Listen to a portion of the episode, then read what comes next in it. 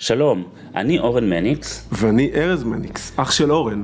בפודקאסט הזה אנחנו נדבר על 11 טיפוסים אישיותיים מולדים שנקראים התדר של האדם. נפגוש אנשים מעוררי השראה שגילו לאיזה טיפוס הם משתייכים ונדבר על איך ניתן להביא לידי ביטוי את התדר שלנו. שהוא עוצמת העל המולדת של האדם, במערכות היחסים, בביטחון העצמי ובהגשמה המקצועית. משהו קרה בשנים האחרונות. פעם כולם רצו להציג את עצמם כמושלמים, כמוצלחים ללא רבב, אבל משהו השתנה. היום המגמה היא להראות פגיעות, חולשות ואנושיות. לירון מור, בעלת בית הספר לעסקים ואושיית רשת, אובחנה כטיפוס אישיותי שנקרא תדר עוצמת הרכות, והיא מספרת לנו על איך זה כשנוצרים סדקים בתדמית המושלמת וכיצד אנשים הגיבו. אוקיי, היום איתנו בפודקאסט לירון מור. היי. הגדולה והמיוחדת, אחת ויחידה. הגדולה, הגדולה, זה נשמע טוב. שאני רק אציג אותך, שגם אה, היא הבעלים של אה, בית ספר לעסקים, שמלמד עסקים לשווק ולהיות אושיית רשת כמוה, ותכלס גם לעשות מזה כסף, לא רק להיות אושיית כסף. ולבנות את זה אה, נכון ובריא ויציב. כן, יצא לי אושיית כסף, אז בסדר. אושיית כסף זה גם מגניב, אני לוקחת את הטייטל. ויש המון מה ללמוד ממך, באמת את השראה להמון אנשים, ואנחנו ככה יש לנו היכרות, ולפני זה הבחנו מה, איזה, איזה טיפוס, מה העוצמה המולדת שלך, ואנחנו בפודקאסט הזה נראה אה, מה העוצמה שלך, ואיפה בתחנות החיים שלך, זה עזר לך לקדם את המטרות שלך ולהישגים שהשגת, ואיפה הרבה פעמים זה עיכב אותך, ומה עשית כדי להתגבר על זה, כדי כולנו נלמד מזה, יאללה. ואורן אה, אולי תתחיל בכמה מילים, לפני שככה לירון תציג את עצמה, קצת על ה... בכמה מילים על ה... על התדר על שלה. הממצאים. ואז... כן. אה, אז התדרים אה, שלך הם תדר מספר 6 עוצמת הפנימיות, והתדר המשני זה תדר עוצמת הרכות, שאנחנו נתעכב עליו היום, כי אני מרגיש שהוא מאוד דומיננטי אצלך, גם על פי מה שדיברנו, אה, וגם עוד לא היה לנו מישהו, אורח בפודקאסט שהוא תדר אה, עוצמת הרכות. באמת? כן, כן. זה תדר פחות נפוץ. אני בחורה, אני יוניקורן. את, נכון, בחורה פחות נפוצה. לגמרי, לגמרי. אין, קשה לשכפל אותי. אבל אה, מגניב, כן. אהבתי. אז עוצמת הרכות זה תדר שהוא דואלי. תדר שהוא דואלי זה תדר שהמהות שלו זה איזון בין שתי מהויות קוטביות, בין שני כתבים. אה, והכתבים אצל תדר עוצמת הרכות זה קוטב אחד של עוצמה, שזה אינטליגנציה מאוד גבוהה, זה העוצמה באה לידי ביטוי אפילו ברמה האנרגטית. אנשים שהם עוצמת הרכות הרבה פעמים מרגישים את העוצמה האנרגטית שלהם, נכנסים לחדר ויש הרגשה שנ- שנכנס, אה, נכנסה איזושהי אה, פצצת אנרגיה. וזה לא בגלל שהם תזזיתיים בהכרח, אלא פשוט מרגישים את ה... כן, את ה- ההילה שלהם כזאת חזקה. בדיוק. כאילו, אני מנסה... כן, כן. לתמלל את זה. זה כמו הילה חזקה, זה כמו אה, אנרגיה בווליום גבוה. כאילו, משהו ב, ב, בבשר שלהם אפילו, הייתי אומר, משדר נוכחות מאוד מאוד דומיננטית. אז זה המנעד האחד, הקצה אחד של המנעד, והקצה השני זה הרכות, כי זה בעצם מה שהם חווים ומרגישים בפנים. הם מאוד פגיעים, הם מאוד רגישים, ובחוויה הפנימית שלהם, יש להם, הם, הם, הם, הם, לא, הם לא תמיד מרגישים חזקים. כלומר, בחוויה הפנימית שלהם, ויש שם בלבול בתדר הזה הרבה פעמים, כי מה שנראה מבחוץ הוא לא תמיד בהלימה למה שהם חווים בפנים. ואז מה שקורה, אנחנו רואים אנשים שהם נראים לנו נורא עוצמתיים, אפילו קצת מפחידים, כי הם נורא חדים בצורת ההתבטאות שלהם, והם נורא חותכים, והם נורא ישירים. כן. ומצד שני, בפנים הם מרגישים כזה כמו, כמו צדפה כזה, כמו משהו שדווקא דורש ליטוף, משהו שדורש כאילו שיחזקו אותו, שיעצימו אותו. וכשיש את הפער הזה, ומה שאנשים חווים זה את העוצמה, אז מה שקורה, כשבן אדם חווה מולו עוצמה גדולה, הרבה פעמים הוא מרגיש מאוים, וכשהוא מרגיש מאוים, אז הוא רוצה להתגונן ולהרגיש גם חזק. אז הם מנסים הרבה פעמים להוריד את האנשים, או אה, שהם עוצמת הרכות, או להתקיף אותם כדי להוכיח שהם לא חזקים כמו שהם חושבים, אבל הם בעצמם לא כזה חושבים שהם אה, חזקים. או מאיימים, הם מרגישים מאוד, מאוד, מאוד רגישים, מאוד פגיעים, מאוד אה, חדירים ו, ו, ומושפעים ממה שאנשים אומרים, ממה שאנשים חושבים. כן. משהו שאת מתחברת אליו? אה, כן. אז התחלתי לספר קודם, אה, שהרבה פעמים, כשעוד הייתי ככה, קודם כל אני חושבת שאנשים גם עוברים, זה נכון שזה ה-DNA, אבל גם יש תקופות בחיים שבהם אני יותר כזאת ויותר כזאת, יותר מבטאת את זה, יותר מבטאת את זה. אז בעבר הייתי הרבה יותר בקטע של העוצמה והנוכחות והדואינג, ואני אקרא לזה אנרגיה שהיא קצת יותר גברית אפילו, יותר עשייה, יותר מטרות, יותר יעדים, כאילו, זה, זה מה שחשוב. אמ, ובשנים האחרונות, בשנתיים, שלוש האחרונות, אני הרבה יותר מביאה את הצד הרך. עכשיו, תמיד היה לי גם וגם, אבל, ומי שהכיר אותי מקרוב אגב, ראה את שני הצדדים האלה. אבל כלפי חוץ, הרבה פעמים הייתי נראית אגואיסטית. גם הייתי אומרת את זה על עצמי אפילו. גם לאביב בעלי, אני הרבה פעמים אומרת, אתה לא רואה איזה אגואיסטית אני? והוא אומר לי, את לא אגואיסטית, אני לא, לא מצליח לראות את זה ואני לא מבין למה את אומרת את זה על עצמך. אני תפסתי את עצמי גם הרבה פעמים אגואיסטית, בתור, בעיקר בגיל יותר צעיר. ככל שהשנים עוברות, אז אני מבינה שפשוט הנתינה שלי היא לא מגיעה מהמקום הרגיל שרוב האנשים, רוב האנשים רוצים לתת, אז הם נהיים אוטומטית קורבנות. או הם כאילו אוטומטית מוותרים על עצמם למען מישהו אחר. אצלי זה לא יקרה, כי אני לא אוותר על עצמי בחיים. באמת, אני יודעת להגיד שאני אוהבת את עצמי יותר ממה שאני אוהבת כל אדם בעולם הזה. זה נשמע אולי לא טוב. אמרתי את זה קודם, מה, מה זה אומר עליי? uh, סתם, אבל אני מאוד uh, מתחברת לזה. אני אוהבת את עצמי יותר ממה שאני אוהבת את הילדים שלי אפילו, אני אגיד. אני מאוד מאוד מאוד אוהבת את עצמי. יואו, זה נשמע לא טוב. לא אכפת לי. אז uh, כזה, אתם זורמים איתי, אז לא אכפת לי. אני, אני אגיד לך מה אני שומע כשאת אומרת את זה. כן. אתה רואה את הצד כאילו שהלא נעים לו, זה הצד של הרכות, שכאילו, איך יכול להיות שאני אומרת דבר כזה? בדיוק, נכון. אני... אבל זאת האמת. אבל פשוט הנתינה שלי לא מגיעה מהמקום הטוב, אז אני אוותר על עצמי, אז לי יהיה חרא כדי שלאחרים יהיה טוב, וזה לא יקרה. אני מבינה שאם לי יהיה טוב, ואני סוג של אור שמשפיע על עוד אנשים, אז משם מגיעה הנתינה שלי. גם עם הילדים שלי זה אותו דבר, באמת. אה, לפעמים אגב, יש שם דיסוננס, אני מודה. יש שם רגעים שאני אומרת לעצמי, לירון, את אימא, את צריכה, לכי שני צעדים אחורה. כאילו, תני שנייה, ת, תוותרי שנייה, כאילו, ו, וקשה לי עם זה. באמת, זה, זה מקום שהוא לא קל לי. ובקורונה פגשתי אותו ביג טיים. אז קודם כל, הכנות שלך פשוט מדהימה, ממש. כן. ו... קטע. אני מרגישה, אני מסתכלת על ארץ כי הוא כאילו מכיר אותי מגיל... אנחנו מ-2009 מכירים. תחילת ה-20, מתי? כן, אז אני מרגישה כאילו זה כזה חבר מפעם. מה אתה אומר? כזה. אז א', הכנות שלך היא מדהימה ואני מת על זה. אמ, אני אגיד לך איך אני רואה את זה, כי זה סוג מסוים של אנשים, מה שאת מתארת, שהיכולת שלהם להתרחק מעצמם היא מאוד מאוד קטנה. רוב האנשים יש להם מנעד יותר גדול, הם יכולים, כן. הם יכולים כאילו להיות באיזושהי, באיזושהי סביבה, או לעשות החלטות שהן, שהן מרחיקות אותם מעצמם, כן. כדי לקדם אחרים, כדי לתת לאחרים, נכון. כדי להשתלב, כדי לקבל... אני מאוד מתחברת לזה שאני בדיוק לא כזאת. כדי לקבל אישור. עכשיו, אצלך הטווח הוא פחות, וזה משהו מולד, את מבינה? זה לא שאת מסתכלת ובוחרת, אלא והרבה פעמים באמת כשמסתכלים על זה מהצד, זה נראה כמו אגואיזם, כאילו, תסתכלי קצת על אנשים אחרים. אבל זה לא שאת לא מסתכלת על אנשים אחרים. כשאת תתרחקי מעצמך מילימטר, זה כאילו בן אדם ממוצע יתרחק מעצמו 30 קילומטר. כן. כלומר, הדיסוננס שהוא יחווה כשהוא, שהוא יחווה כשהוא יתרחק מעצמו ומהרצונות שלו 30 קילומטר, זה הדיסוננס הפנימי שאת תחווי כשמילימטר ינסו להזיז אותך. אגב, נכון, ראינו, את זה בצ... ראינו את זה בצורה מדהימה גם באבחון, דיברנו על זה קצת, שבאבחון יש אנשים שלוקח זמן לה... להחליט מה איזה ריח הם הכי אוהבים. אה, אמרת שהאבחון הוא דרך חוש הריח? אני לא זוכר, אמרת? אוקיי, אז האבחון הוא דרך חוש הריח, הרחת, הרחת אה, כמה תמציות ריחות, ו... ודרך הבחירה שלך בריח מסוים ראינו מה, לפי הבחירה שלך ראינו שטיפ... איזה טיפוס את, וטיפוסים מסוימים נמשכים לריחות מסוימים, אז הבחירה שלך הייתה מיידית, ומה שלא, לא.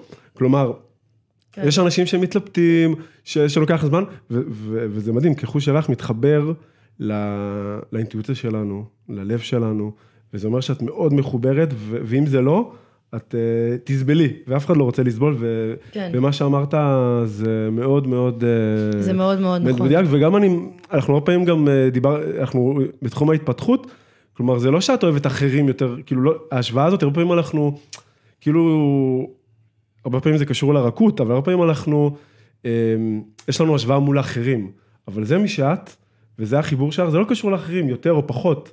כלומר, בדיוק. המקום הזה, זה, זה פחות רלוונטי אם זה יותר או פחות, זה מי שאת, זה מה שאת צריכה כדי שיהיה לך טוב לתת לאחרים, בדיוק. ו... ולכן אני גם שמה על זה הרבה מאוד דגש, כאילו, על, ה, על הזמן שלי. דיברנו קודם על זה שאני בן אדם מאוד של גבולות, אני מאוד צריכה את השקט שלי, את הזמן שלי. גם כשאני מגיעה למשרד הרבה פעמים, אז אני יודעת שאם אני אעלה לקומה, שאיפה שהצוות שלי יושב, הם כולם רוצים ממני משהו, או משהו ברמת נכון. המשימות, או אפילו שנייה רגע לקחת טיפה מהאנרגיה הזאת של לירון הגיע. כן. ולפעמים זה לא טוב לי, כי אני צריכה עכשיו שנייה להיות מפוקסת, ויש לי משימה ואני צריכה שנייה להיכנס לאיזה זון, אני לא אעלה לקומה. אני אעשה את הכל כדי לא לפגוש אנשים שמכירים אותי, כי אני יודעת שברגע שהם מכירים אותי, זה, זה מפריע, זה חודר לי לאנרגיות, אז אני יודעת לשים גבולות, אני אגיד מתי כן, מתי לא. גם לפני שהקלטנו פה, אמרת, שאלתי כמה זמן זה ייקח. מאוד חשוב לי הגבולות שלי, כי אני צריכה אותם. אז זה, אז זה, זה- זה, זה זה קטע. טיפ אה, מצוין לאנשים ש... שיש כן. דברים שמסיטים אותם מהמרכז שלהם. אחד הדרכים לעשות את זה, זה לשים גבולות. והגבולות מאפשרים. לך בעצם לייצר איזושהי סביבה, שאת יכולה להיות מחוברת פנימה ולא מסיטים אותך. ו... והרבה- כן, אני מאוד לא אוהבת שמסיתים אותי, ואז אני, אני מסיימת את היום בתחושה כזאת של אוף, כאילו, איך הצליחו לגנוב לי את כן. הראש לאנשהו, כאילו, זה... כן, למדתי, אגב, גם את זה למדתי לאזן, כן? אני כבר לא בת 20. ויש לי ילדים, ואני יודעת מה זה שיעור כן. בחוסר שליטה ובחוסר... אה, ותכננתי משהו אחד, יצא משהו אחר. אמרת לי קודם שמבחוץ אני נראית גם מאוד פרפקציוניסטית, הכל נראה סופר פיין. ואמרתי לך בצורה מאוד ישירה, אני בכלל לא פרפקציוניסטית. אני פשוט יודעת לייצר דברים שנראים טוב יחסית במהירות. מה זה נראים טוב? נראים מושלם. אז, ו, ו, ואם תשאל אותי על כל סרטון שלי, על כל פוסט, אם היה, הוא היה יכול להיות יותר מושלם? כן. אבל סבבה, עדיף שזה יהיה בחוץ, ובואו נתקדם, יפה. כאילו. אז באמת אמרתי לך את זה בהקשר של התדר הראשי שלך, שהוא עוצמת הפנימיות, ששואפים לשלמות. אה, אני חייב להגיד לך שהרבה פעמים אני מסתכל על ה... וכן יש לי OCD קל, אני לא אגיד שלא, אני, חשוב לי, גם רואים איך אני נראית. אני תמיד מתוקתקת, כאילו, כן. יש לי שאיפה לשלמות, אבל אני גם לא לא אתקדם בגלל שזה לא מושלם. כן. אז כאילו, יש שם איזשהו איזון, אני אז חושבת. אז זה מדהים, זה מדהים וזה חשוב, זה באמת השיעור של אנשים שהם תדר עוצמת הפנימיות, זה להתקדם תוך כדי תנועה. כלומר, ללמוד תוך כדי תנועה. כן, כי דווקא השאיפה הראשונית שלהם זה לדעת הכל, ואז לעשות את הטבילת בוהן רק אז. ואצלך זה לא ככה, וזה מדהים. תספרי לי קצת על עצמך, למי שלא מכיר אותך, מה... יש לך סיפור חיים מאוד מעניין, אני גם... כן, הוא מעניין. הוא אני מעניין. בדיוק תוהה אם איזה, כאילו, הוצאתי ספר, ואנשים, ומלא כתבו לי כמה הם מזדהים, ובעיקר נשים, כי זה מאוד מתחבר. ואני כזה, ואחד השיעורים שלמדתי מהספר זה, גם אם אין לך חיים מאוד מעניינים, עדיין אנשים מתחברים, כי רובנו אנשים רגילים. לא כולנו ננטשנו על ידי ההורים, נכון. והתמודדנו עם מחלה קשה, ועדיין, יש לנו שיעורים שעברנו. נכון? אז, אז- כאילו, דווקא... אני אולי אחדד. לא יודע אם הסיפור חיים שלך מעניין, כי אני לא מכיר את הסיפור חיים שלך, אבל הדרך, לפחות המקצועית שעשית, כלומר, כן. אני זוכר אותך מ... היא לא רגילה. איך, וונדר וומן וידאו, איך זה? כן, וידאו וונדר וומן. וידאו וונדר וומן, שרוב המאזינים שלנו לא יודעים מה זה, אז אולי תספרי לנו קצת מה את עושה ומה... מה- על הדרך שלך. אוקיי, אז... ואיך הבאת אה, לידי ביטוי, תוך כדי תשלבי את העוצמה הזאת של ה... שדיברנו עליה. עוצמת הרכות. כן. אוקיי. אמ, אז קודם כל, אני התחלתי את הדרך המקצועית שלי בגיל 25. יותר נכון יהיה להגיד בגיל 23. כי בגיל 23 פתחתי את העסק הראשון שלי שמאוד מאוד לא הצליח. מאוד רציתי להצליח, מאוד רציתי כסף, מאוד רציתי להוכיח את עצמי. מאוד רציתי, הנה, אפרופו עוצמת הרכות, מאוד ידעתי, כאילו, אי אפשר להזיז אותי, אמרת, מילימטר מה, מעצמי, מהכנות שלי, מהסנטר. ידעתי שאני בן אדם שלא צריך לעשות תואר כדי להצליח. ידעתי את זה ב-DNA, בלי שמישהו אמר לי. היו לי המון ספקות מסביב, כי הייתי צעירה, וכאילו העולם אומר לך שכן צריך, אבל בפנים ידעתי שלא, והייתה לי איזה כמיהה ל- ל- להוכיח את זה. אז שם ניסיתי להיכנס לאיזשהו עסק שלא הצליח, ושנתיים עשיתי כל מה שצריך, וזה לא עבד לי, ולא עבד לי, ולא עבד לי, ולא עבדתי, ו- ולא עבד לי, והייתי מלאת מוטיבציה, אבל המוטיבציה התחילה לרדת, והשחיקה התחילה להגיע, והספקות, ואני גם צעירה, וכולם לומדים, ומתחילים, ומתקדמים, ורק אני כאילו מאחור. אה, ולקראת סיום הולדת 25 אמרתי, אני, אם זה לא מצליח לי עד סוף השנה, אני סוגרת את העסק. וממש בחודשיים האחרונים ככה של השנה, אוקטובר, נובמבר, דצמבר 2008, אה, נתקלתי ב, בעולם השיווק באינטרנט. אה, שיווק בווידאו, זה היה דבר שכאילו במקרה, אבל אתם יודעים שום דבר הוא לא במקרה, אנחנו מכירים את זה. ראיתי עוד סרטון ועוד סרטון ועוד סרטון, שדיבר איתי על איך אה, למשוך אנשים, איך לעשות שיווק, כאילו נגע לי בכל הנקודות הכואבות, והבנתי שבעצם מה שעשיתי עד היום, היה חסר לי שם איזה משהו. מה היה העסק הייתי, שלך אז? זה היה בעולם השיווק הרשתי, חברת Nu Skin. הייתי צריכה למכור מוצרי קוסמטיקה ולהביא עוד אנשים, ובעצם היה חסר לי המשבצת הזאת של השיווק. אני רק כאילו נטפלתי לאנשים, שזה לא עניין אותם. לא היה לי את הקטע הזה של לגרום לאנשים להגיע מרצונם. וכשראיתי סרטונים, פתאום זה נגע לי בכל הנקודות, ואמרתי, אוקיי, אוקיי, אוקיי, עברתי מווידאו לוידאו. בווידאו האחרון מצאתי את עצמי קונה קורס שיווק. כאילו, כמו שאנחנו יודעים איך זה עובד בשיווק פאנל, שהוביל אותי כן. לזה. וזה היה הקורס ששינה לי את החיים, כי זה היה ארבעה שיעורים שבהם הבנתי מה זה שיווק, והבנתי גם שאני, כאילו באינטואיציה גם הבנתי שאני טובה בזה. לא יודעת אם טובה, אבל כאילו הבנתי את זה, הבנתי את הקונספט. והתחלתי לעשות את זה, והתחלתי לצלם סרטונים, ושם נולד העסק שכולם מכירים. אבל בעצם אנשים לא מכירים את השנתיים לפני, שהכל לא הלך, והייתי זאתי שכולם מרימים עליה גבה ואומרים לה, די, כבר תעבדי בעבודה אמיתית. כן. ודי, כבר לכי ללמוד, וכבר כנסי למסלול של כולם, מה את מתעסקת בשטויות האלה? ו... ושם בעצם נולד העסק שכולם מכירים היום, בגיל 25. זה, וקראתי לו בהתחלה וידאו וונדר וומן, כי הבנתי שאני מאוד טובה בוידאו. תוך כמה חודשים הבנתי שזה מה שאני בעצם רוצה ללמד אנשים. לא את, ה, את העסק של השיווק הרשתי שמתי בצד, ו... התחלתי בעצם לעשות קורסים בשיווק, וזה התחיל מקורס של שלושה אנשים, ראשונים שהסכימו להשקיע בי. זאת התקופה שהכרתי את ארז, כאילו, ממש בשנים, אה, בשנה הזאת. כן. אמ, ואחר כך שבעה אנשים, ואחר כך 12, ומשם כבר פיתחתי את הקורס הדיגיטלי הראשון שלי. אה, הייתי הראשונה בארץ שעשתה את זה. כאילו, היום אני אומרת את זה, אבל אז היה נראה לי פשוט, חייבים לעשות את זה, זה נראה לי מגניב. אה, וככה בעצם הכל התחיל. אה, וזה היה ב-2009, ואנחנו ב-2022 היום, ואני התחלתי מלצלם את עצמי סרטונים פשוטים, וגם היום אני עושה את זה, כאילו, 13 שנים עברו, בדרך התחתנתי ושלושה ילדים, ואני עדיין עושה כאילו את אותו דבר, אבל בפורמט אחר. ברור. כאילו, הרבה יותר גדול, בסקיילים הרבה יותר גדולים. עם השנים זה הלך ו... נהיה, זה, הווידאו וונדר וומן לאט לאט הלך ונעלם, כי גם אני התבגרתי, וכבר וונדר וומן זה כבר לא היה מגניב, אז זה הפך להיות בית ספר לעסקים. וזה מה שאנחנו עושים היום, היום אנחנו 16 איש, קרוב לש... גדלים ל-18 איש עכשיו, אה, שזה מה שאנחנו עושים, מלווים אנשים בקורסים דיגיטליים, בכנסים, בהרצאות, בפודקאסטים, בקורסים קטנים, בתוכניות ליווי גדולות, בכל מיני פורמטים. מדהים, זהו. אנשים שואלים את עצמם, הרבה פעמים גם באים לכם מטפלים, מאמנים, גם אצלנו, הבוגרים שלנו. המון, אנחנו בדיוק. מאוד חזקים בעולם ההתפתחות האישית. בדיוק, והם שואלים את עצמם, כמו שאת שאלת את עצמך, עד מתי? כאילו, ניסיתי עכשיו שנה, שנתיים, וזה לא עובד, אבל זה החלום שלי, כאילו, אולי מתי לוותר, מתי לא. כלומר, לפעמים יש נגיד תחומים שלפעמים כן אולי כדאי לוותר, לא...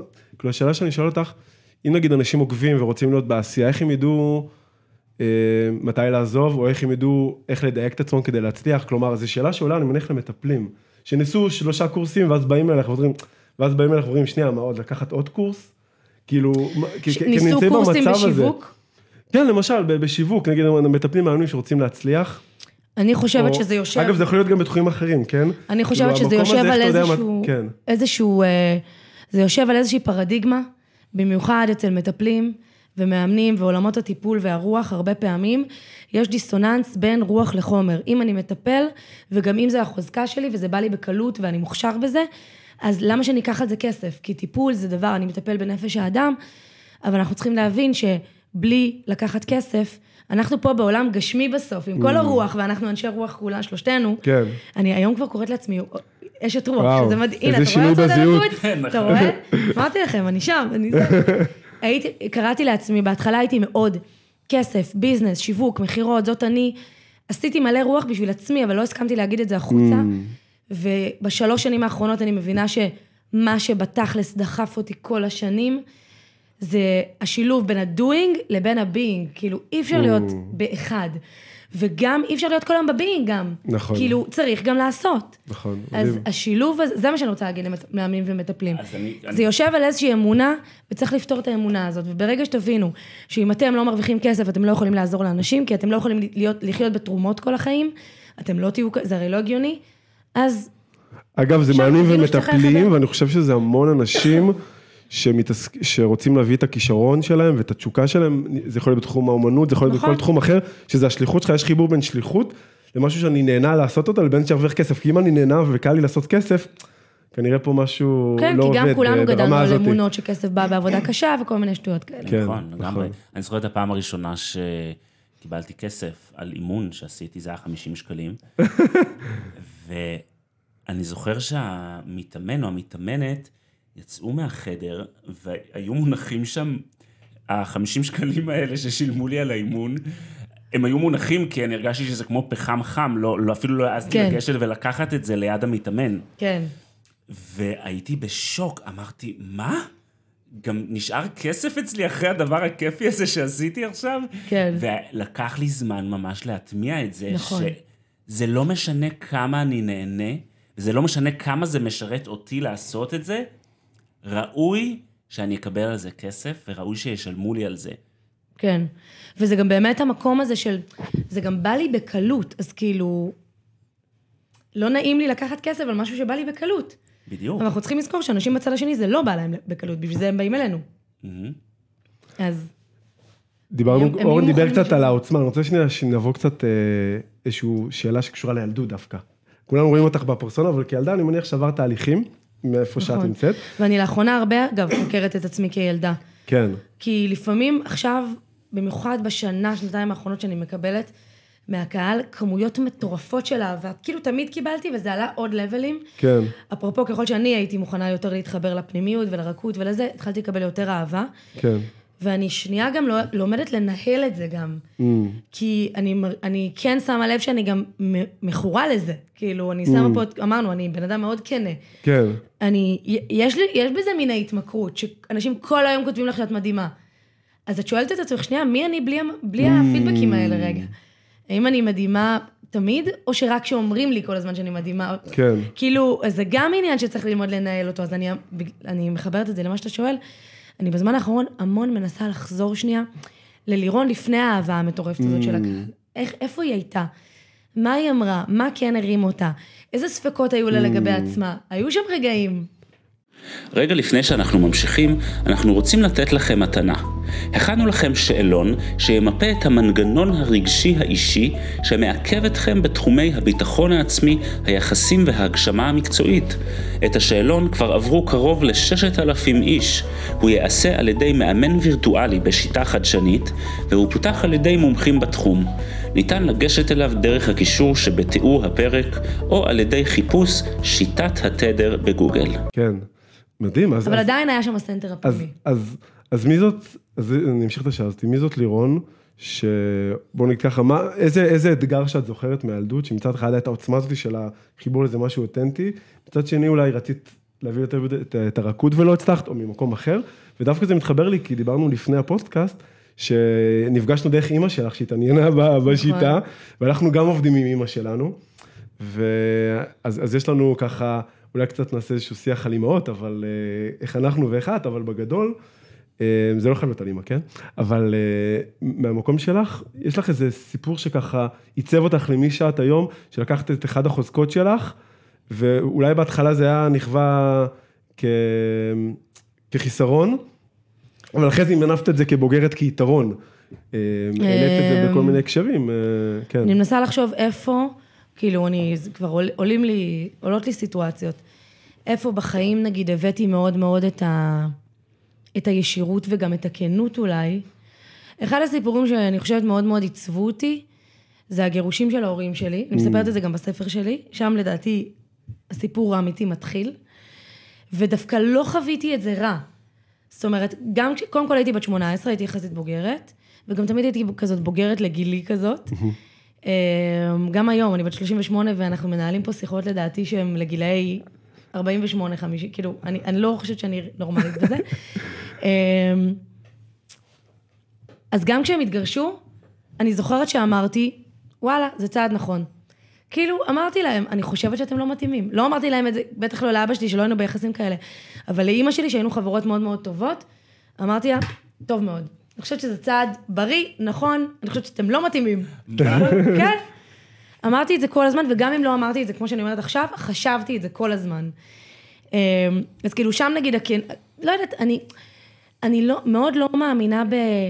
בגלל שאנשים, בגלל שאמרו שצריך להיות נשואים עכשיו, אז כולם יהיו נשואים ותסבלו. לא מאמינה בזה. בגלל שאמרו שצריך לעשות תואר, אז אני אעשה, גם אם זה לא מתאים לי. אבל יש אנשים שזה כן מתאים להם, אגב, אני לא אומרת שלא. פשוט אומרת, לא יודעת, אני מנהלת עסק מאוד מאוד גדול, ואף פעם לא הסתובבתי עם איזה טאג כזה, וקראתי לעצמי מנכ"לית, כאילו, זה מטומטם, כאילו, למה צריך את זה? נכון. אז אני חושבת שזה משהו שתמיד היה, לאורך נקודות בחיים. אגב, אני רואה את זה על הבת שיש לי, לא. בת, שבחלק מהדברים היא מזכירה אותך קצת, וזה גם היא קצת מזכירה מאוד את אימא שלי, יש לה איזה חיבור מאוד רצון, חזק לרצון שלה ולמה נכון לה, ואני יודע שלי כהורה זה לא תמיד פשוט להכיל את זה, להפך, כאילו, לפעמים זה דברים שממש אני כן. רוצה שיתוף פעולה איתה, ואם זה לא מחובר לסנטר שלה, אין מצב להזיז אותה, כלומר, זה יהיה, כלומר... איך זה השפיע, כאילו, כי כילדה, ההורים שלך, כאילו, זה לא אגיד- יצר קשיים, כאילו, לא, כ- לא, לא. כמבוגרת את יכולה יותר להרשות לעצמך להגיד נכון. מה שאת רוצה, כי ילדה אומרים לך מה לעשות קודם לפעמים. כל, מסכנים הילדים, באמת, אני תמיד אומרת את זה, כי הם, הם, הם, הם, הם לא יכולים להיות 100% הם, הם מנוהלים על ידי המבוגרים. זה, נכון. זה קטע שגם לי קשה, גם עם הילדים שלי לפעמים, שאני אומרת, וואי, כאילו, הוא לא, כאילו, זה, זה לא מתאים לו, אבל אין מה לעשות, עכשיו צריך להיכנס לתלם, וגם לי לא בא עכשיו להכניס אותו לתלם. כן. אבל כאילו לפעמים צריך. ואני, אחד הימים המאושרים שלי היה שהשתחררתי מהצבא. היום הזה שאתה הופך להיות אזרח. on my own, כאילו, ואף אחד לא יכול. להגיד לי כלום. אז זה היה מדהים. אה, אבל לא כולם, אגב, זה טוב להם. יש אנשים שצריכים שינהלו אותם כל חייהם, אני פוגשת אותם הרבה. אה, אז לי זה היה מאוד נכון להיות עצמאית, אבל אני רוצה להגיד משהו על עצמי בתור ילדה. לא הייתי מהילדים המרדנים. Mm, זה לא בית, אני דווקא מאוד, אה, אני מאוד בן אדם של מסגרות, Mm. אני העובדת הכי טובה תמיד הייתי. אני הילדה הכי טובה, את ההורים שלי אם הייתי בעייתית בגיל ההתבגרות, תמיד הייתי בקשר טוב עם ההורים שלי. זאת אומרת, Mm, מעניין. אני מאוד, יש בי מאוד את הצד המרצה והצד של לא לעשות עכשיו בושות ולא לעשות עכשיו... אה, כאילו יש לך מודעות חברתית. מאוד, מאוד, מאוד. וגם מול ההור- מול הורים בתוך הבית זה הצלחת להביא את זה? כן. מעניין. אבל בגילאים יותר בוגרים, אבל, אבל כשזה מגיע לחוסר כבוד, זה המקום שמקפיץ אותי. אם מישהו ידבר עליי בזלזול, או לילד אחר, אגב, אני גם מאוד רגישה בקטע הזה עם הילדים שלי, שאם אני רואה מישהו מבוגר, זה לפעמים גם מגיע מסבים סבתות, שהם עם קצת התנהגויות של פעם, כן. שאני רואה אותם כאילו מנסים אה, כזה להשתיק ילד בגלל שהם מבוגרים, זה מעלה לי את הסעיף. אני כאילו אהיה בצד של הילד. כי לא, לא מתאים, יש לי רגיש... אמרת כאילו שעוצמת הרכות הם נראים קשוחים, אבל בפנים יש הרבה רגישות. אני מאוד רגישה ל... לא להשפיל אנשים בחברה, לא לרדת על אנשים, לא לדרוס אנשים. אני לא בטוב עם זה בכלל. אז מה את אבל, עושה אה, נגיד כילדה, או, או אפילו בשלב יותר מאוחר, שאמרת, כאילו מצד אחד את רוצה לרצות כי חשוב לך, את- את נכון. קולטת את החוקרים החברתיים, מצד שני זה משהו שלא יודע מה, אני הבוס, לא אחיה לפי כאילו, האמת של מישהו אחר. נגיד הבוס למשל פתאום אה, יגיד נכון. משהו שאת לא מאמינה בו, אבל את כן רוצה להצליח להתקדם, והרבה פעמים אנשים פה, לא תמיד הם עצמאים, אנשים נכון. שמקשיבים לנו, ובין המקום לרצות לבין עצמי, מה את עושה במקרים האלו? זה, זה מעניין, מה היית עושה עד עכשיו? אז יש לי, שמתי לב שיש לי איזושהי שיטה. אני כן. בן אדם מאוד אה, אסטרטג. אז כאילו, יאללה, תני לנו אז אני, אסטרטגיה. אה, אז כלפי חוץ אני, אוקיי, כן. נכון, יכול להיות, באמת יכול להיות מה שאתה אומר. בפנים אני אומרת, חרטא, איזה חרטא. אז אני כאילו. ואז אה, מסכן אורן, אני כאילו, זה כאילו עליו, לא, זה זה סתם, וזה בזווית. אבל אני יכולה כאילו מאוד, "מהמם, כן, כן, כן, ואז אני הולכת ועושה מה שאני רוצה. Mm. זאת השיטה שלי. אני לא אשתולל להפוך שולחן מול מישהו, כאילו. להגיד לו, אין, אתה מחרטט. למרות שרוב האנשים שאני פוגשת מחרטטים הרבה דברים. כן, אבל, אה, אז אני אני אשחק את המשחק, ואז אני אלך ואני אעשה מה שבא לי. יפה. כאילו זאת השיטה אוקיי. שלי, אז אולי אוקיי. תקראו לי מניפולטיבית, לא לא, לא. אסטרטגית, או סתם יודעת להתנהל בחברה, כאילו, ו... זה מעניין, את מכבדת את הדברים, את מכבדת את השני. כן, מצד אחד, בדיוק, מצד לא שני, אשפיל בן אדם, את להגיד "אתה את יודעת שיש לך- את- שטויות." יש לך מספיק את העוצמה להגיד שאת יודעת מה את רוצה ומה לא, ואת תעשי בדיוק. בסוף מה לי שאת זה רוצה. לא נכון, מה לא מרגישה אומר. את זה ככפייה, את מרגישה שאת כן. בסוף תעשי מה שאת רוצה. כן. מדהים. מרגישה שאנשים מאוימים ממך? אמ, אני מרגישה לא מעט שזה לא קל להיות בחברתי. לפעמים, לא כי אני רעה או, או, או, או כאילו מדברת לא יפה. אמרתי, אני מאוד מכבדת אנשים. אני יכולה להבין שלפעמים העוצמה שלי והתדר שלי יכול לגרום לאנשים אחרים להרגיש לא בנוח במקום שלהם. אני רואה את זה גם ב, בסביבה משפחתית לא מעט. אה, אני יודעת שזה לא פשוט להיות אחותי, אני יודעת שזה לא פשוט אה, אפילו להיות אימא שלי לפעמים, כאילו, אני מודעת לזה. למה? למה זה לא פשוט? כי זה, כי זה מראה, זאת מראה מאוד גדולה לאנשים שהם לא חיים במלוא העוצמה שלהם. וגם יש משהו מאוד מעצבן לראות בן אדם שנראה כאילו הכל טוב לו. כל הזמן. אה, אבל באמת רוב הזמן טוב לי. אז מה, ואני בדיסוננס עם זה. תתביישי אז מה, אני, לך. אני to fake it? אני צריכה להגיד שחרא? אבל בגלל זה אני בשנה האחרונה מאוד מאוד עושה, וזה מה שאפרופו עוצמת הרכות, אני בשנה האחרונה עובדת הרבה על לנסות להוציא תכנים שהם הרבה יותר פגיעים, כי אני מבינה שגם אם טוב לי 90% מהזמן, כדאי מאוד שאני אוציא החוצה גם את ה-10% שלא טוב לי, בדברים שאני עוברת עם עצמי, כי זה לא קל לראות דמות שנראה שהכל מושלם לה כל הזמן. נכון. אתה אז, רוצה, אה, אתה רוצה לקרוע את המסכה ממנה, כשאתה נכון. רואה מישהו כזה. נכון. וזה פידבק שנתנה לי גם חברה טובה, שהיא גם אשת שיווק מעולה, והיא קראה לזה תסמונת לירון מור, הוצאתי על זה פוסט לפני איזה חודשיים. אה, היא קראה לזה, את, זאת הבעיה שלך, יש לך תסמונת לירון מור, הכל נראה אצלך מושלם, ואת לא, ואת סופר רגישה, ואת סופר אנושית, ואת סופר עמוקה, וצריך להוציא את זה עוד החוצה. צריך לחספס עוד את, ה, את הפרסונה. אז אני מאוד עובדת על זה. מאוד על לחספס, ומי שמכיר אותי, ושוב, המעגלים הקרובים, יודעים ומכירים, ואגב, עשיתי בחצי שנה האחרונה, אה, עשיתי איזשהו קורס אה, להיות אה, מאמנת. עכשיו, אני כל החיים כבר מאמנת, זה מצחיק. אבל היה בא לי לעשות את זה יותר מסודר. כן. ואתם יודעים, בקורסים האלה אתה צריך לבחור גם איזו מטרה אישית כזאת. אז הנה, בחרתי, המטרה האישית שלי הייתה להראות יותר פגיעות כעוצמה, כאילו עוד. יותר. ולשים, ולבכות מול אנשים, שזה משהו שנורא נורא... להראות עוד פגיעות כעוצמה, זה היה הניסוח שניסחת לעצמך? להראות יותר פגיעות, כן. ולהראות לאנשים שגם פגיעות, היא לא יותר חייבת... פגיעות מאשר עוצמה. זה גם, גם יותר פגיעות ממה ש... כאילו מזה שהכל הפי הפי, להראות את הפגיעות שלי, אבל לא, יש גם אנשים שמראים פגיעות, וזה גם כן בצורה מהונדסת. כן. כאילו להראות פגיעות. באמת. כן, אז אותנטית. אותנטית ממש. גם אי אפשר להגיד שאני לא בן אדם אותנטי, אני חושבת שאני אחד האנשים שמראים הכי הרבה אותנטיות ברשת, אבל זה קשה שגם האותנטיות גם יהיה הכל טוב, אבל מה לעשות שאני בן אדם חיובי? אז אני עובדת על לבכות מול אנשים נגיד. התחלתי לעלות ללייבים בתחומים שמאוד מאוד uh, מרגשים אותי. אני גם בן אדם שבוכה די מהר, שזה וואלה. כאילו לא מסתדר עם הפרסונה. אז אני, אה, אז אני ממש עליתי ללייבים והייתי בוכה בלייב. הפודקאסט האחרון שהוצאתי ביום חמישי, אחד הפרקים הכי טובים שהוצאתי, גם ברמת התוכן, ראיינתי חברה מאוד מאוד טובה, רוזין, זאת שאמרה כן. לי גם, תסמונת, יש לך תסמונת לירון מור. כן. אה, פודקאסט שהוא מטורף, ואני, יש לי, אה, לי ולרוזין יש קשר מאוד מאוד אה, רגשי. הנה, רק אני אומרת את השם שלה, אני מתחילה לבכות. ואני פותחת את הפרק בזה שאני מציגה אותה, ואני פשוט מתחילה לבכות. ולא הורדנו את זה בעריכה. וואו. כאילו, השארנו את זה. אז אני אומרת, אני עובדת המון על הקטע של פגיעות, ועל הקטע של האותנטיות, ולשים את הרכות יותר בפרונט. מדהים. זה, זה בדיוק ה... זה בדיוק השיעור של אנשים של עוצמת הרכות. כן. אנחנו... כי זה נראה שכלום לא חודר, אבל... זה נראה שקוראים לו חודר, ואז אם אנשים, עם ה... עם ה... אם שום דבר לא חודר, אז הם הולכים הביתה להביא את התותח כדי להוכיח לעצמם שכן משהו חודר. ואז הם יורים בך את התותח, את מבינה? וגם אם הם לא יעשו את זה מולך, כן. בתוכך, כאילו הם ירצו להקטין אותך, כל מה שהם יראו זה עוצמה, עוצמה, עוצמה. אחד כן. הדברים שאנחנו מלמדים אנשים שהם עוצמת הרכות, זה להפוך את, ה... להפוך את זה, במקום להרגיש את הרכות בפנים ולהפגין אותה בעוצמה, להרגיש את העוצמה בפנים ולהפגין אותה ברכות. כן. שזה בדיוק הצדדים הפגיעים, הצדדים ה... הלא לגמרי מסודרים, הצדדים הכואבים.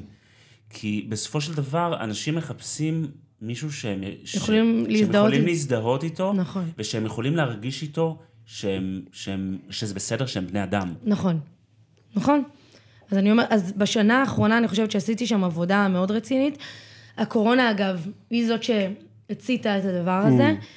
כי אני נכנסתי אה, לסגר הראשון עם תינוקת בת חודש. וזה היה מבחינתי, וואו. אם אפשר לקחת את כל הדברים שללירון הכי קשה בעולם, ולשים אותם ביחד באותו מקום ולנעול את הדלת, ולהגיד לה אי אפשר לצאת, זה זה. כאילו, באמת, אמרתי קודם, אני בן אדם של גבולות, אני צריכה המון זמן עם עצמי, אני מודעת לזה, אני נותנת לעצמי את הזמן הזה. אז לשים אותי בחופשת לידה, בלי שעות שינה, עם תינוקת בת חודש, ואני, וואו. אגב, אני גם אומרת על עצמי ומעידה על עצמי שאני לא בנויה לגדל תינוקות.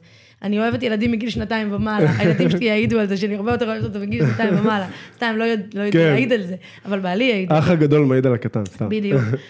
אה, וכל הדבר הזה התפוצץ לי בפרצוף, אה, והייתי בעצם כלואה, בוא נגיד בסגר הראשון חודשיים עם ילדים בבית, ואחר כך כל השנה הראשונה וואו. הייתה לפתוח, לסגור, לפתוח, לסגור, מזעזע.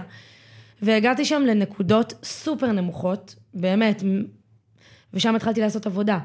גם עם מאמנת, ואחר כך הלכתי ללמוד נומרולוגיה, שזה הביא לי עוד פן רוחני שמאוד מאוד עזר לי. ושם התחילה התפתחות אישית ורוחנית נוספת, אה, וזה הביא, זה מה שגרם לי לייצר את קורס אבל- השפע שלי, יופי. וזה מה שפתח לי עוד יותר את השפע. באמת, העסק שלי, אני חושבת, אני יכולה להגיד, הכפיל את עצמו בשנה האחרונה, וואו. ואני לא בסקיילים קטנים, אז לא יודעת אם הכפילו או פי אחד וחצי, אחד ושלושת רבעי, וזה רק בגלל הרכות. וואו. לא הבאתי עוד, עוד דואינג של שיווק ומכירות. הבאתי שפע, הבאתי את הספר שלי שהוא מספר את הסיפור האישי שלי עם כל הרגעים הכי פגיעים, הבאתי מדיטציות. כאילו הבאתי את עולם הרכות, וזה פתח את השפע עוד יותר. מדהים. איזה יופי. אני מאוד אז- אוהבת את זה. אז היה לך, היה לך משבר, מאוד אוהבת. אוקיי? אנשים שהרבה פעמים יש להם משבר, הם, הם, הם לא יודעים מה לעשות, הם מרגישים שהכל שחור, ואת אולי אוטומטי עשית, אבל יש סוגי אנשים שהם רואים את הכל שחור והם לא יודעים איך לצאת. מה, למה בחרת אה, ב... בתהליך? כאילו, למה, כאילו, למה חשבת שזה יעזור לך? תנסי שנייה לחשוב לפני שידעת מה יעזור לך. או ידעת באינטואיציה, מה היה שם ברגע הזה שאת במשבר, שהכל נראה שחור, ואולי יש פה אנשים ש, שנמצאים במקום הזה, שמרגישים שעם הזוגיות, אולי זה יכול להיות עם ה... בעסק. מה יש שם במקום הזה ש... שאפשר שגרם לך... לי לקחת עזרה? שגרם לך לקחת עזרה, או מה, מה, כאילו, מה עזר לך שם במקום הזה כדי לעשות משהו, ומה עשית? אני נזכרת באותו שבוע שהוא היה השבוע הכי שחור שלי, ינואר 21, ינואר 2021. זה גם היה השבוע של היום הולדת שלי, הכל אנרגיות טעונות קשות, כי זה היה הסגר השלישי. וזה היה יום הולדת שלי, וכבר אמרתי, די, תוציאו אותנו מהחרא הם. קראו לזה ינואר השחור בתקשורת. זה היה נורא, ואני כן. נסעתי לדובאי, כאילו בר- ברחתי כזה עם המשפחה. בתוך יומיים הזמנתי טיסה לדובאי, כי רציתי לברוח מהסגר, ואז שחזרנו, זה היה את זה שאמרו עם המלוניות, ואנשים Mm, נכנסים. למלוניות. אל תשאלו, באמת, היה לי שם רגע מזעזע מאוד מאוד קשה, ואני בן אדם של חופש, ומה זה לקלוא אותי, וזה הכל, כאילו, כל הדברים הרעים ב- ביחד. והתחלתי להקשיב לפודקאסט של אה, יעל דורון יבין, שאני אני חושבת שאולי אתם מכירים אותה, היא מאמנת, גם הייתה אחת הלקוחות הראשונות שלי. משהו הביא אותי להקשיב דווקא לה, והייתי מסתובבת עם העגלה כזה בבלוק של הרחוב, עושה רונדלים בסגר, ומקשיבה ומזינה את עצמי בתכנים שירימו אותי. ואז אמרתי לה, יעל, אנחנו חייבות לקבוע, אני, אני חייבת עזרה. כאילו, אני, אני לא בטוב. וואו. ואני כבר לא יודעת להרים את עצמי, ואני לא יודעת להרים את עצמי, וואו. אני מלכת המוטיבציה. והתחלנו לעשות אה, זה, וזה מדהים. התחיל מלגרד אותי ממשפחת אז, אז חלק, חלק מלהיות פגיע זה להגיד שאני, במקום מסוים אני לא מסוגל ואני צריך עזרה. כן. כלומר, זה- והרבה פעמים אנשי doing, אנשי עשייה, להגיע למקום הזה, הם צריכים להגיע למקום מאוד מאוד נמוך, ובעצם ככל שאנחנו משתפשפים, כן. נגיד בעולם העסקים, שאת מאוד משופשפת, את לא מגיעה לתחתית. את, אני מניח שאת מקבלת עזרה בשוטף. נכון. לפעמים בחיים הפרטיים שלנו, אה, כן. אז אנחנו צריכים לזכור שאנחנו לא צריכים להגיע לקצה. נכון, גם אנחנו חושבים שיש לנו הרבה יכולות, ותפסתי, אני, אני, אני, אני מלכת השפע, מלכת החשיבה החיובית, וראיתי שגם אני לא מצליחה כאילו למצוא את האור בתוך הסיטואציה. אז אני צריכה עזרה. בדיוק, ו, ויש לנו מה שנקרא מלכודת חשיבה החיובית. מה זה מלכודת החשיבה החיובית? אוי, זה שאנחנו. שאנחנו בעצם מדחיקים למוות את הרגשות האמיתיים שיש לנו, כן. בגלל שאנחנו, כי זה, כל הזמן כי זה חשיבה סותר, חיובית. כי זה סותר את החשיבה החיובית, ומה נכון. שאני גיליתי על עצמי, שלי זה בא באוכל. כל פעם שהייתי מדחיק רגשות מסוימים שקשה לי, כעס, כאב, אז בסוף היום הייתי מתפרע על המקרר, וזה הגיע למקום שהייתי כבר 30 קילו יותר. כלומר, והדבר שהכי פחות היה לי שליטה זה על מה שאני מכניס לפה. כי- ההדחקה שלי הגיעה דרך האוכל, כל אחד זה בא לו דרך מקום אחר, או שפתאום אני יותר כן. אצלי עצבני. זה חרדות. אצלי אוקיי. זה הביא להתקפי חרדה. אוקיי. אז חרדה אני או... מספרת על זה גם הרבה בספר שלי. וואו. בגלל הרצון לרצות ולהיות ביצועיסטית ולהיות מושלמת, גם שהיה לי את זה הרבה, ולהיות בעולם מאוד זכרי, אפילו שאף אחד לא ביקש ממני, אבל להוכיח ולעשות כזה, אז you need to, כאילו לתת קבלות. ושם הגיעו לי גם התקפי חרדה, זה כבר התחיל לפני שבע שנים, עשיתי שם גם המון עבודה. ו- וואו. זה אופייני לאנשים שהם אה, עוצמת הרכות. דיברנו בר- על זה קודם, נכון, בדיוק, חרדות. נכון. גם חרדה זה כאילו באיזושהי חוויה של הכי חוסר שליטה ברמה מסוימת, שזה אחד הדברים ש... כן, גם סבלתי ש- מחרדת טיסות. כן, רצית אורן. להגיד, סליחה, קטעתי אותך. כן, אה, שהם בעוצמה והם לא מכניסים את הרכות, אז יש אנשים שיכולים להיות בעוצמה ובלי הרכות, וזה יעבוד להם. הרבה אנשים כאלה. אבל אנשים שהם תדר אה, עוצמת הרכות, זה לא יכול לעבוד להם. אפילו אם העוצמה שלהם תיתן להם את כל הפירות בעולם, זה לא יעבוד להם. והרכות הזאת היא בסופו של דבר תבוא לידי ביטוי בחרדות, אם אין לה מקום באופן יזום. כי נכון. מה קורה בחרדה? המערכת הנפשית והפיזיולוגית אומרות לתודעה של הבן אדם, את עכשיו תמתיני בצד, ואנחנו הולכים לשחרר את כל הרגשות שכשאת בשליטה את לא מוכנה שהם ישתחררו ושהם יהיו. כן, ואז הגוף נכנס ל... אגב, כן. ואני רוצה טיפ מעשי לאנשים, לראות מה המדד שלכם שאומר שאתם, שיש דברים שאתם לא מוכנים להכיר בעצמכם, או לראות בעצמכם שזה משהו חשוב למהות שלכם. אז זה חרדה, זה יכול להיות אה, אכילה, זה יכול להיות פתאום כעס, אני יודע שאני לא, יש דברים כן, שאני לא קשוב כעסים, לעצמי, נכון. אז אני מאוד יכול להיות כועס עם הילדים ו- וזועם. וכלומר, כל, ואתם צריכים לראות את המדדים האלו, ובמקום להתבאס על עצמכם ולהיכנס למעגל האשמה, למה אני ככה, ואז עוד יותר להתחפר בתוך עצמכם, וזה בטוח לא יעזור, לראות, לשאול את עצמכם, שנייה, איזה רגש אני לא מסכים לראות בתוכי, איזה קול בתוכי אני לא מסכים לראות, ואני מאוד לא הסכמתי לראות, גם הזה. מאוד התנגדתי לקורונה ולסגרים, כי אני בן אדם של fun וחופש. ולייפסטייל. אז היה שם התנגדות מטורפת, הרי אנחנו חשיבה חיובית, לא יכול להיות. ולא נתתי Mm. מקום לתחושות הקשות, וזה התפוצץ לי, ושם, משם אוקיי. התחלתי מדהים, לטפס. אז הלך- מדהים. כן. מדהים, אני חושב שזה מסר אה, חד, ואני רוצה שאנחנו, בפ... יש לנו פינה לקראת סיום, פינה של פינת המלצות לעבודה, שהפינה הזאת, אורן אה, נותן כל מיני המלצות שאפשר לעשות עבודה פנימית שקשורה לתדר הזה. את, בכולנו יש את כל התדרים, אז כל אחד מאיתנו, לכל אחד במינון שונה.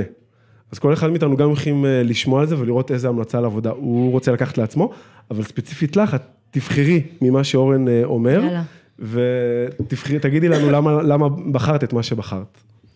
אז אה, עבודה על פתיחת הלב, חיבור למערכת הרגשית, ללמוד לזרום, לעבוד ולסמוך על האינטואיציות, לפתח חיבור חזק למצפן הלב. עבודה על שחרור שליטה, מתן אמון בזולת ופיתוח היכולת לסמוך על עצמם ועל הזולת. עבודה על מוכנות לבטא את הרכות ואת העדינות שלהם. לפתוח את הנשמה ליכ... ליכולות הגבוהות שלהם ולהיות מוכנים להכיר בהן. איך אפשר לבחור? אני רוצה לבחור הכל. אז מה בתקופה הקרובה? רגע, אני- אני צריכה לתת טיפ למאזינים? לא, את צריכה לבחור לעצמך, לחיים שלך, מה הכי נכון לך לתקופה הזאת, ולהגיד למה בחרת את זה. אה, ולאהוב את הרגישות ואת הרכות המצויה בהווייתם. תקריא את האחרון עוד פעם? האחרון... אה, לאהוב את הרגישות ואת הרכות המצויה בהווייתם. רגע, אני צריכה לראות בעיניים. אה, יש יותר המלצות, קראתי כמה נבחרות. הבנתי. היה משהו עם רוחניות ונשמה וכזה. הנה, לפתוח את הנשמה ליכ- ליכולות הגבוהות שלהם ולהיות מוכנים להכיר בהן. למה בחרת את זה? כי אני בתקופה מאוד מאוד מאוד מאוד רוחנית בחיי. כאילו, אם חשבתי עד עכשיו שאני רוחנית, אני, היום אני מבינה שאני בעשור האחרון הולכת לעלות עוד כמה לבלים למעלה. וואו. כן, כבר זהו, זה, התקשור הבא. כבר ירד, זה כבר ברור עשור הבא לי. את מתכוונת. מעכשיו עד גיל 48, עד גיל 50 נגיד, אפילו נגיד. אחד מסודר. אני הגעתי כבר אחרי למעלה. גיל החמישים אני אעבור לפאזה הבאה. אבל איזה, איזה חודש. לא, יש לי הרגשה, יש לי הרגשה שאני נכנסת לעשור מאוד כן. מאוד מאוד רוחני, כן. וזהו, הקולטנים נפתחו. אני מוכנה לקבל, מדהים. מוכנה לעלות.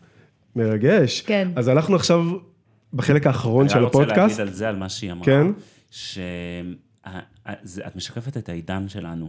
לגמרי, אני מתחברת לזה מאוד. כי אם עד לא מזמן אנשים חשבו שהם יכולים להיות doing, doing, doing, נכון. ביצוע, ביצוע, ביצוע, תוצאות, תוצאות, תוצאות, וזו הנוסחה לח- לחיים הטובים שהם רוצים, התפיסה הזאת הולכת ומתפרקת נכון. אצל מסות של נכון. אנשים שיש להם את ה-doing, שיש להם את הביצוע, שהם יודעים להגשים חלומות, שהם יודעים... אבל הם אה, לא שלווים ומאושרים מבפנים, אבל משהו לא עובד, הרוח. ולא רק משהו לא עובד, אחד-אחד, אנשים עוברים דרך תקופות שבהם הדברים מתפרקים להם. כן, גם הם- הקורונה היא הייתה פירוק קולקטיבי, כאילו, של כולנו. נכון, עוד לפני הקורונה, הקורונה לקחה את זה עוד צעד נכון, הייתה קדימה. זרז. ו... ו- ולשם אנחנו הולכים. ואני רוצה להגיד, יש. גם את הכיוון השני, אנשים שהם היו מאוד ברוח ופחות בעשייה ומאוד ברגש. נכון. והם הרגישו קצת אאוטסודרים ולא קשורים לעולם העשייה, פתאום הם מגלים שוואו, זה, זה חלק מהעשייה החדשה, זה חלק מהשפה החדשה. אבל הם צריכים ללמוד גם את הדוינג ואת ה...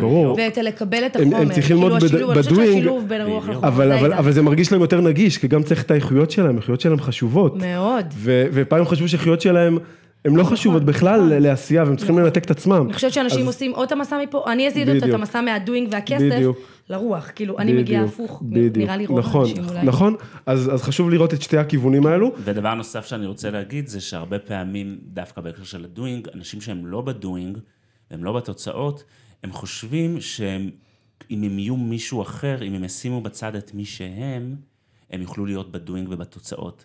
ואחד הדברים שהשיטה הזאת באה לעשות, זה להגיד לאנשים, לא, אתה לא צריך לפעול ולעשות כמו לירון, אתה גם כמו. לירון מור, או כמו אורן מניקס, או כמו לא משנה מה, מה שאתה מביא איתך, אתה צריך למצוא את הגוון שדרכו, רק דרכו אתה תפרוץ. כי אחרת לא יהיה שם כלום, אתה תתנתק מעצמך וזה לא יעבוד, הכל יקרוס. ואני רוצה שהחלק האחרון, הקצרצר של סיכום, אפשר במילה או במשפט, עם איזה הרגשה אני יוצא מהפודקאסט, או יותר נכון, מה לקחתי מהפודקאסט הזה, מה לקחתי מה... מה לקחתי, איזה תובנה. אמ, אני צריכה לענות? שלושתנו עונים. אוקיי. מי ראשון? אז... אה, אז אני אתחיל. יאללה. אני אחרונה. אמ, אני לוקח את העניין הזה שדווקא את הנקודה האחרונה, אנחנו חיים בתקופה שבה הדוינג הוא חשוב, אבל הוא כבר לא יכול להחזיק מים. ואם לא יהיה את החיבור לרוח, אז יהיה סבל מאוד גדול, מסות של אנשים יעברו את זה ועוברים את זה, כל אחד בנקודה, בנקודת החיים שבו אצלו זה קורה, אבל זה קורה. אם פעם הרוחנים היו נחשבים הזויים, אה, היום גם אנשים של דוינג מבינים שאי אפשר בלי הרוח ובלי הפנימיות. אוקיי, אני לוקח, קודם כל, את מאוד מזכירה את הבת שלי, בכל מיני דברים, אז אני לוקח אה, מקום של חמלה יותר לבת שלי, כי אני רואה דברים, אני רואה את היופי היא בזה. הולכת לעשות דברים גדולים. כן, אז חמלה, להזכיר את- את המקום של החמלה למקום הזה, וגם אה, כלפי, וגם את המקום של, אה, ברח לי הנקודה עכשיו שרציתי להגיד, אז תגידי אז אני אחשוב. אז אני אגיד. אני, כאילו ידעתי שאני מביאה בזמן האחרון יותר את הרכות, וקיבלתי עוד אישור להביא את זה עוד יותר אפילו. כאילו שזה ממש, ה- זו ממש השליחות הבאה שלי כרגע. להסביר לאנשים שהם צריכים גם וגם. מדהים. אגב, הספר הבא שלי הולך להיקרא אישה של גם וגם. יש לי מלא מה להגיד על זה. איזה יופי. כן, זה יקרה עוד, יש לי עוד דרך לעבור. זה בפרק הבא שיש לך פודקאסט חבל על הזמן, איך קוראים לפודקאסט שלך? עסק זה לא דבר מסובך. מדהים, גם בטוח. הספר בט- שלי נקרא עסק זה לא דבר מסובך. מדהים, אז לחפש את הפודקאסט הזה. ומה שרציתי להגיד, ששכחתי, זה מה שאמרת, למצוא את המקום של הפגיעות, זה הזכיר את המקומות של הפגיעות שבחיים שלי, שיותר קל לי להיות ב- בעשייה, בחיובי, ולתת לזה מקום בחיים גם שלי, לאחרים. ולבטא את זה החוצה. אז אה, אוקיי, סיימנו את הפרק. תודה. תודה ללירון מור. וואי, אני חושבת שעברתי כאן טיפול. כולנו עברנו. ביחד עם אורן מניקס הגדול, ונתראה בפודקאסט הבא. להתראות. ביי. עד כאן להפעם, תודה שהייתם איתנו. אם אהבתם את הפרק, אתם מוזמנים לעקוב אחרי הפודקאסט ולקבל עדכונים על פרקים שמתעדכנים. אם עלה בכם הרצון לדעת עוד על התדר האישי שלכם ואיך הוא יכול לשדרג את חייכם, אתם מוזמנים לחפש שיטת התדר בגוגל או ללחוץ על הקישור שבתיאור הפרק.